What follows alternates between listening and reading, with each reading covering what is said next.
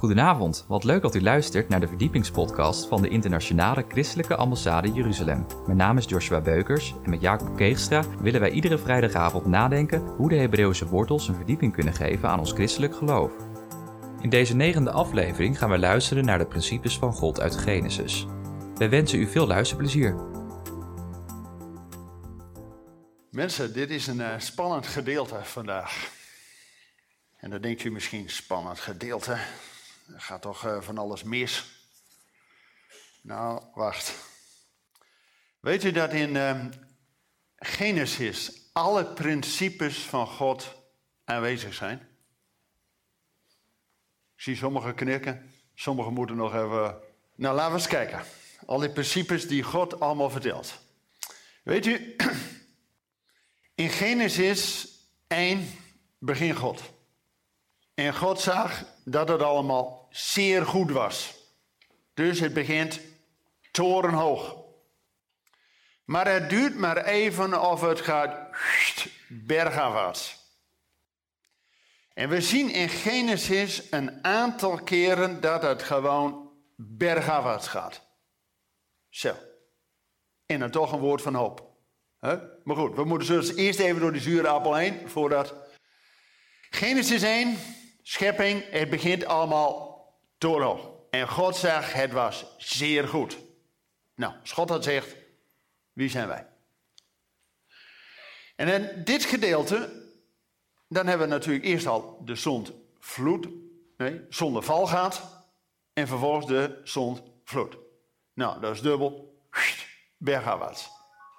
Tadaa, komt allemaal goed. En dan begint God weer nieuwe, nieuwe melodie. Het is altijd weer nieuw bij de Heer. Begint bij God, bij Noach, weer, huppatee, gaat het weer goed. Hij wordt gerecht. Tadaa. Een woord. Maar het gaat direct daarna weer bergafwaarts. Volgende week, als u hier bent, gaat het over Abraham. Leg En dan wordt Abraham er weer uitgekozen tot zegen voor allen. Maar het duurt maar even of het gaat weer bergafwaarts. Het volk Israël eindigt in slavernij. En dan gaat God weer één uitkiezen. Mozes. En dan is er uittocht. Maar die generatie is weer bergafwaarts, sterven allemaal in de woestijn. Dan gaat God weer één persoon uitkiezen, Josia, en dan gaan ze het beloofde land in. Dus iedere keer zie je zo'n soort zaagtandconstructie. God begint goed, maar met de mensen, het is één aflopende zaak. Nou, gezellig. Genesis 1 begint dus torenhoog. Waar eindigt dit gedeelte mee met uh, Noach? Van Genesis 6 tot Genesis 11. Met de torenbouw van Babel. Dat is die tegenkracht die ook net als God wil zijn. Weet je, waarom was die zondeval? Omdat de tegenstander van God aan God gelijk wilde zijn. Dus krijg je zo'n anti-gebeuren. God begint torenhoog. Wat doet die tegenstand? Torenbouw. Want wat wil men? Eén systeem, één rijk, eigenlijk één wereldreligie. Nou, we hebben al gelezen Matthäus 24. Het zal zijn als in de dagen van Noach. Zien we nou ook. Weet u dat de Verenigde Naties bezig is om het paleis van Saddam Hussein te kopen? Staat toch leeg daar. Heeft 666 kamers. En dat is precies tussen Oost en West. En dat ligt naast die torenbouw van Babel. We zien in de eindtijd dat Jeruzalem en Babylon, daar gebeurt nog eens wat mee. Nou, we zitten nu in de voordagen. Heel simpel. Dus wees waakzaam. Dat was de opdracht van uh, wat we tot slot gelezen hebben. Maar eerst over die principes van God. Waar eindigt Genesis mee? Kunt u zelf opzoeken. Ik hoop dat u een Bijbel bij u heeft. Matthäus 50. Waar eindigt, uh, waar eindigt uh, Genesis mee?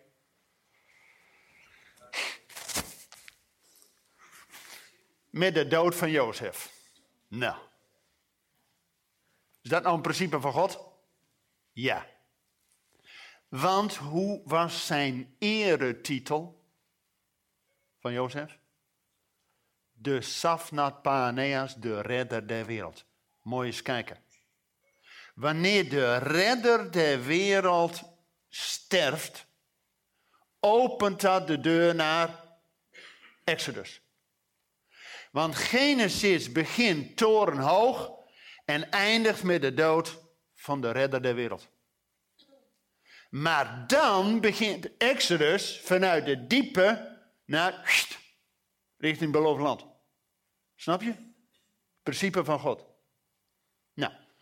Maar ook in het verhaal van Genesis gaat God, als het fout gaat, weer met een nieuwe start beginnen. Dus bij God is het nooit een punt, sloes, afgelopen. Nee, altijd een komma. Staat in de evangelie altijd, God doet dat, totdat. En dan begint God weer opnieuw. Maar God zoekt dus altijd naar een rechtvaardige, een tamim, die geheel is. Zoals Noach, volgende week is het Abraham, en wie weet over volgende week u. Ja? Nou, ik heb de eh, toespraak genoemd When God Shows Up. Als God iets gaat doen. En vooral nu met Noach. Moet je even nagaan. Noach was de tiende generatie van Adam afgerekend. Ik zei, in Genesis liggen alle principes van God al aanwezig. De rest van de Bijbel bouwt daarop voort. Ja? Als we al kijken naar de namen van die eerste tien, zien we het evangelie in een notendop. Zie je Anton knikken? Amen. Geef voor mij een bevestiging dat klopt. Ik ben altijd blij dat er broeders zijn die het woord kennen. Want in Israël, kijk jongens, dit is typisch Grieks denken. Hè? Eén persoon mag wat zeggen en de rest houdt zich stil. In Israël, ze staan allemaal rond de bima te kijken of het klopt. Ja, dag. Ik ben altijd blij dat er een paar broeders zijn die het woord kennen. Nou, de eerste tien, als je die namen achter elkaar leest, met hun betekenis, heb je het evangelie. Adam betekent mens. Abel betekent ademtocht. Zet betekent in de plaats daarvan. Kreeg een zoon Enos, de zwakke mens. In de dagen van Enos ging men de naam van God aanroepen. Wanneer je zwak bent van jezelf, heb je hulp nodig. En die kreeg een zoon Kenan, bescherming. Die kreeg een zoon Mahalalel. Wanneer hij komt, en die kreeg een zoon Jered, die daalt af. Dan een zoon Henoch, die wandelde met God. Kreeg een zoon Methuselem, wanneer hij sterft, zal het gebeuren. Je zult je zoon toch zo noemen, hè? Dan ben je wel een wandelende evangelisatiepost. Hè? Wacht even, hou hem vast, hè? want hier zit een boodschap in. Die kregen zo'n lamech vernedering. Je zult je zoon zo heten, noem maar. En dan de tiende, Noach, de rechtvaardige die genade vond in de ogen van de Heer. Moet je ze alle tieners achter elkaar lezen. De mens is een ademtocht. In de plaats daarvan komt de zwakke mens die alleen beschermd wordt door de lofprijs van God. En wanneer hij komt en afdaalt, zal wandelen met God. En wanneer die sterft, door de vernedering heen, zal God een rechtvaardige genade verlenen. Het evangelie in een notendop. Jongens, die namen hebben een betekenis. Hebben een roeping voor je leven. Dan moet je nagaan. Methusalem is de oudste mens geworden. 969. Dus zeg maar bijna duizend jaar. Zoals de bomen, hè, die werden maximaal duizend jaar. Dus Methusalem was een wandelende gedenkteken. Als hij sterft, kijk uit. Laat nou precies in het jaar van de zonvloed eerst Methusalem sterven en dan de zonvloed. Ja, eh, 1556 vanaf Adam gerekend. En nou gaan we naar Noach. Die kreeg op zijn 500ste Sem, Jafet. Was dat een drieling? Op zijn 500ste kreeg hij Jafet. Kreeg hij ook een opdracht om een ark te maken. Heeft er 100 jaar over werk. Want op zijn 600ste, hebben we gelezen, is de zonvloed. Dus zie je dat die lijnen samenlopen. Dat Methuselem wandelde nog steeds, leefde nog steeds, werd bijna duizend jaar. Dat hij, jongens, kijk uit, wanneer er wat met hem gebeurt, dan gaat er wat gebeuren. En ondertussen kreeg Noach die opdracht die ark te bouwen. Het er honderd jaar over werk. Nou, het was ook een uh, redelijk bootje. Ja, die was redelijk groot. En die komen precies bij elkaar in het moment when God shows up. Wanneer God wat gaat doen. Dus be ready. Dus hij was er honderd jaar mee bezig. Maar ondertussen hebben we gelezen, was Noach ook aan het evangeliseren. Doordat hij die ark bouwde. Want het had nog niet geregend op de aarde. En waarom bouw je nou een ark op droge, joh? Nou, Ron, leg me uit. Dan ga je nou een boot bouwen. Dat wordt een stevig ding. En honderd jaar over werk. Nou, die mensen ze vroegen terug. Wat ben je aan het doen, joh? Ja, ik naar de voeten straks.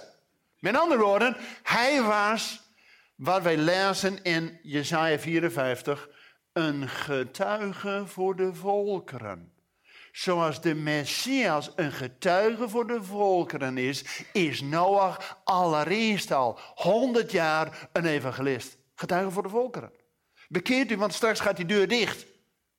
En wanneer die andere seinpaal, Methuselem, sterft, dan gebeurt het.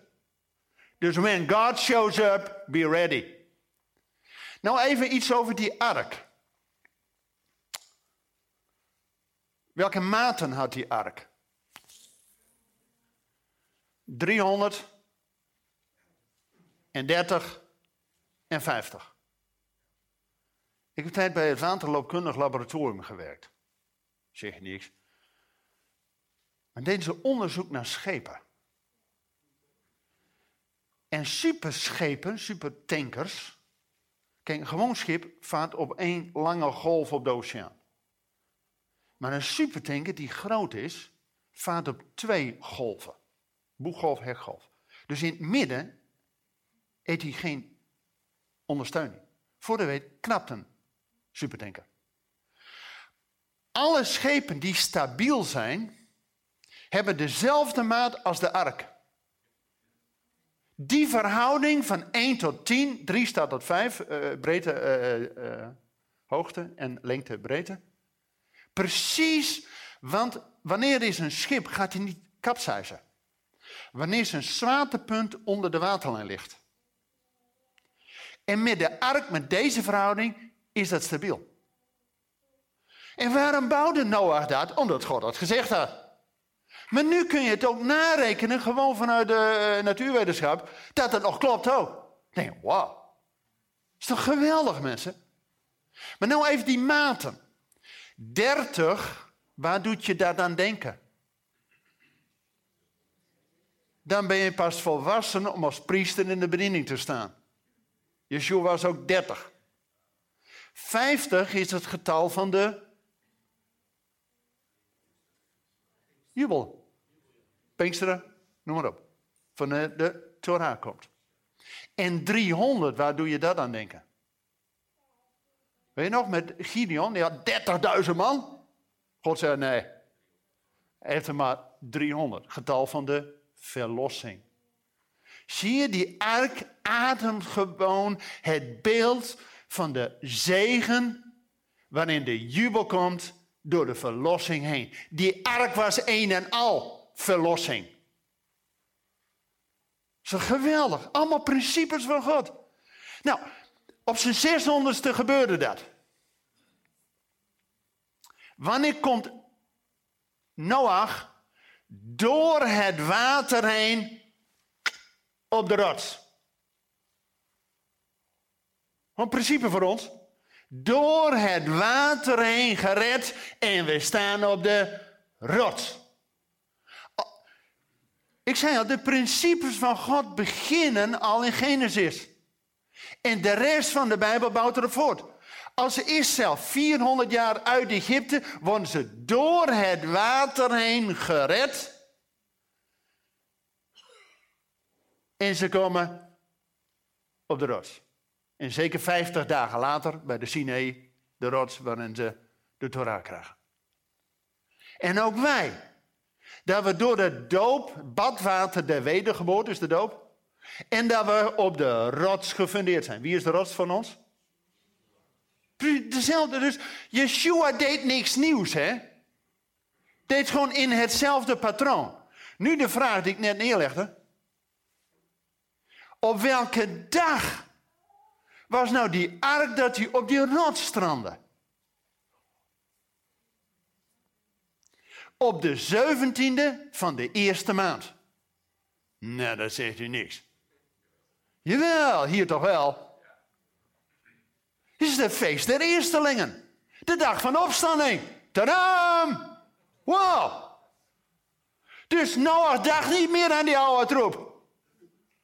Maar hij stond open. Geweldig toch?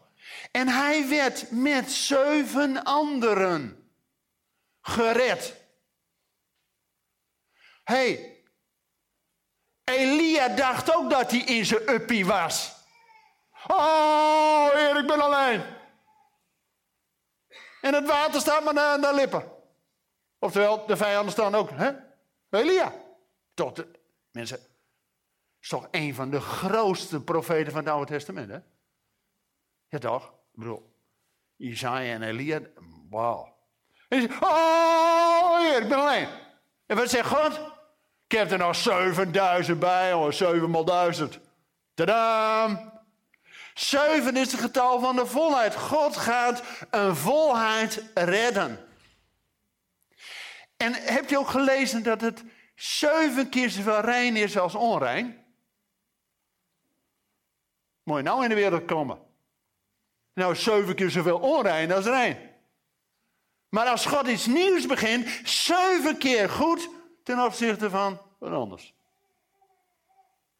Maar hij is met acht in totaal, wordt hij gered. Acht is het getal van de nieuwe dag.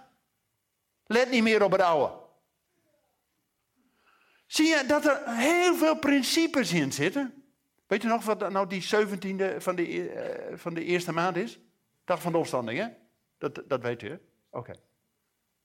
Net zoals, moet je aan denken, als het weer zo bergafwaarts gaat en God met Hosea, de zoon van Nun, die Jehoshua, de zoon van Nun, wordt genoemd, de zoon van de vijftigste, dan gaat hij ook door de Jordaan heen, door het water heen, beloofd land.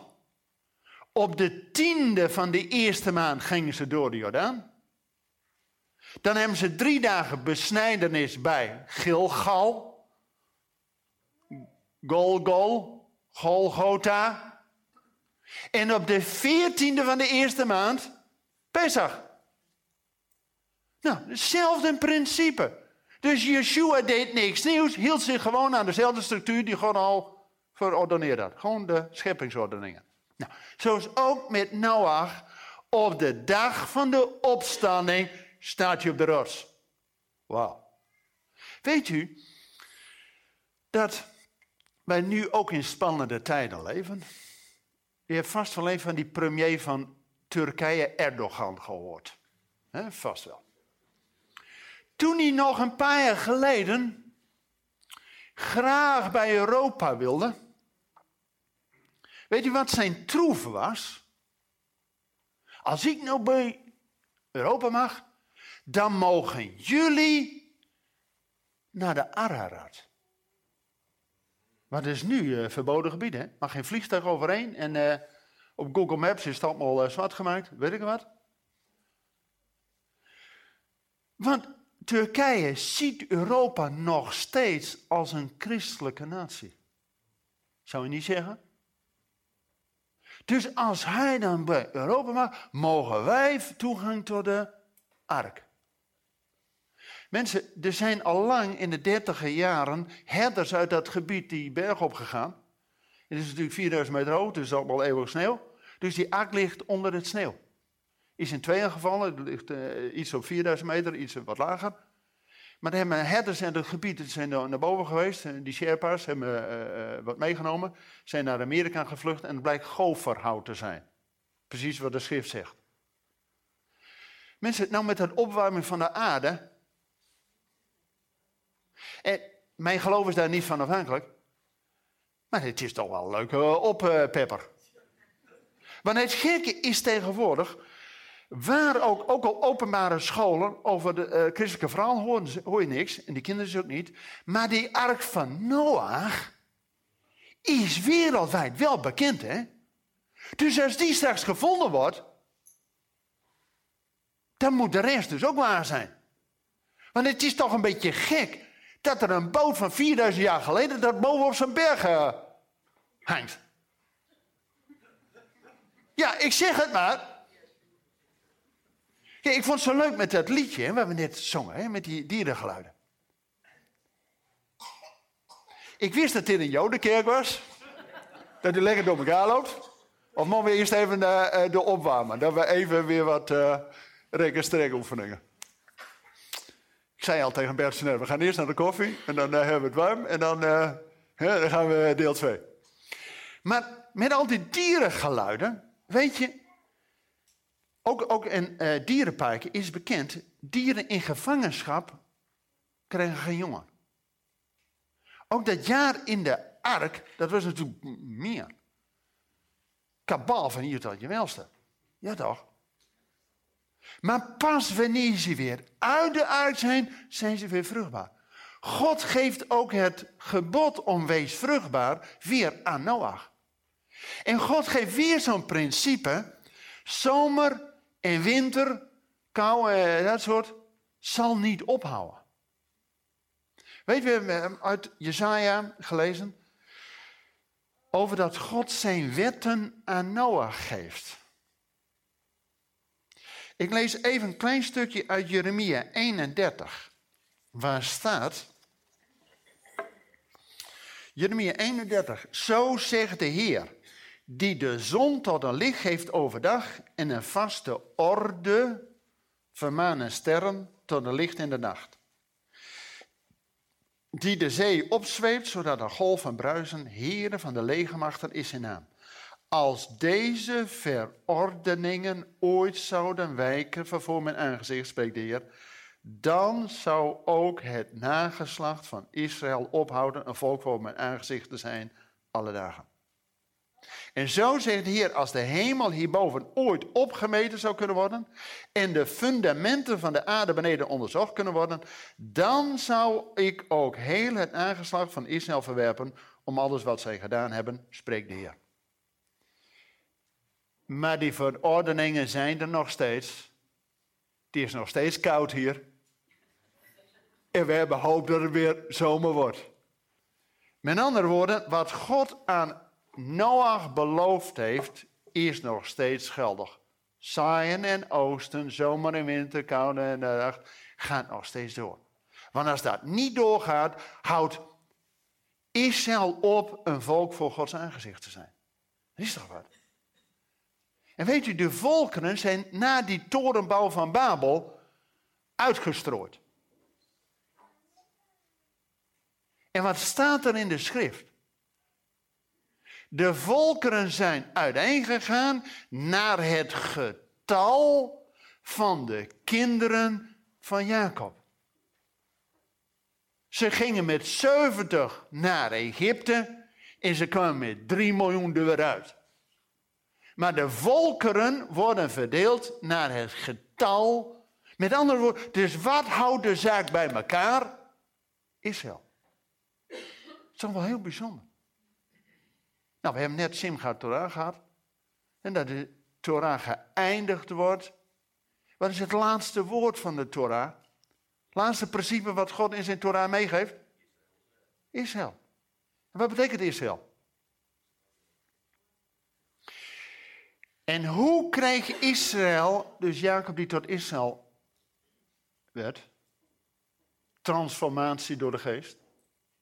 Hoe kreeg hij die zegen van God? Want op Shimchat Torah gaat het over de slot van de Torah, over de Sos Abraga. Dit is de zegen die God via Mozes aan het volk geeft. Deuteronomium 33, 34. En die eindigt met die zegen met Israël. Hoe kreeg Israël die zegen? Hosea 12, vers 7. Hij weende en smeekte God om genade. Zie je het principe van God in de dagen van Enos, de zwakke mens, ging met de naam van God aanroepen. Wanneer Jacob niet meer groot en sterk was, aan zijn heup geslagen was, dus gewoon vooroverliep, als een dier. Want die Ischiaspier die geraakt werd, hebben wij als mens meer dan een dier. Dat geeft dat je tussen je bil uh, door die spier wordt aangespannen, ga je recht omhoog lopen. Maar als je daaraan geslagen wordt, is je menselijke waardigheid weg. Maar wanneer Jacob erkent, ik kan het niet zelf, en hij weende en smeekte God om genade. Is het mooie van Jacob? Toen hij door Pniel was gegaan, ging de zon over hem op. Toen Noach door de zonvloed heen was gegaan, op de dag van de opstanding op Drastan, ging de zon weer over hem op. Want vanuit de duisternis naar het licht. Toen Israël uit Egypte, duisternis, slavernij, door de Schelzee, het licht ging weer over hen op. Dan zingen ze het eerste lied in de Bijbel. Nou, dan heb je dus 2000 eh, jaar over weg gehad, hè? 2300 jaar. Voordat het eerste lied in de Bijbel gezongen wordt. Wat is het eerste lied in de Bijbel? De Heer is mijn sterkte en mijn psalm. Hij is mij tot Yeshua geweest. Dat is het eerste lied in de Bijbel. Wat is het laatste lied in de Bijbel? Het lied van Mozes en van het Lam. Het zijn geen twee verschillende liedjes. Eerst al linksaf en eh, de rest rechtsaf. Nee, het is het lied van Mozes en van het Lam. Want Mozes verwijst naar het Lam. En wat is het lied? De Heer is mijn sterkte. De Heer, als je zwak bent van jezelf, maar de Heer is mijn sterkte. En wanneer is onze reactie? Hij is onze lofprijs. Hij is mij tot Yeshua geweest. Dat we door het water heen op de rots van Yeshua staan. Amen. Nou natuurlijk de toepassing. Be ready when God shows up. Maar je kunt hem ook omdraaien. When we show up. Wij zijn ambassadeurs van Christus, hè? Van de Messias. Als wij ergens komen, verandert de atmosfeer. Wij komen in de autoriteit van Yeshua. When God shows up, gebeurt er wat. Be ready. Maar wanneer wij ergens komen, gebeurt er dan ook wat. Of gaan wij timide in een hoekje zitten? Ja, ja, de wereld is zo slecht. Oh, ik in mijn klein hoekje. En uh, jongens, we hebben een boodschap. Zoals Noach 100 jaar een boodschap had, be ready. Nou is het natuurlijk ook voor ons. Welke boodschap hebben wij als wij ambassadeurs van Christus zijn? Verandert de atmosfeer wanneer wij ergens binnenkomen of niet? Of laten we ons gewoon inpakken door de rest? Oh, het is toch allemaal een aardse tranendal. Jongens, God begint af en toe opnieuw en dan mogen wij een licht zijn. Zullen we daarvoor eerst bidden? Want we hebben Gods geest daarvoor nodig. Mag ik u voorgaan? Bedankt voor het luisteren naar deze verdiepingspodcast van de ICEJ. Waardeert u onze podcast? Steun ons dan met een donatie, abonneer u of deel deze podcast met uw vrienden of familie. Ga naar www.icej.nl. Volgende week gaan we luisteren naar de parasha van Noach. Hartelijk dank voor het luisteren en tot volgende week.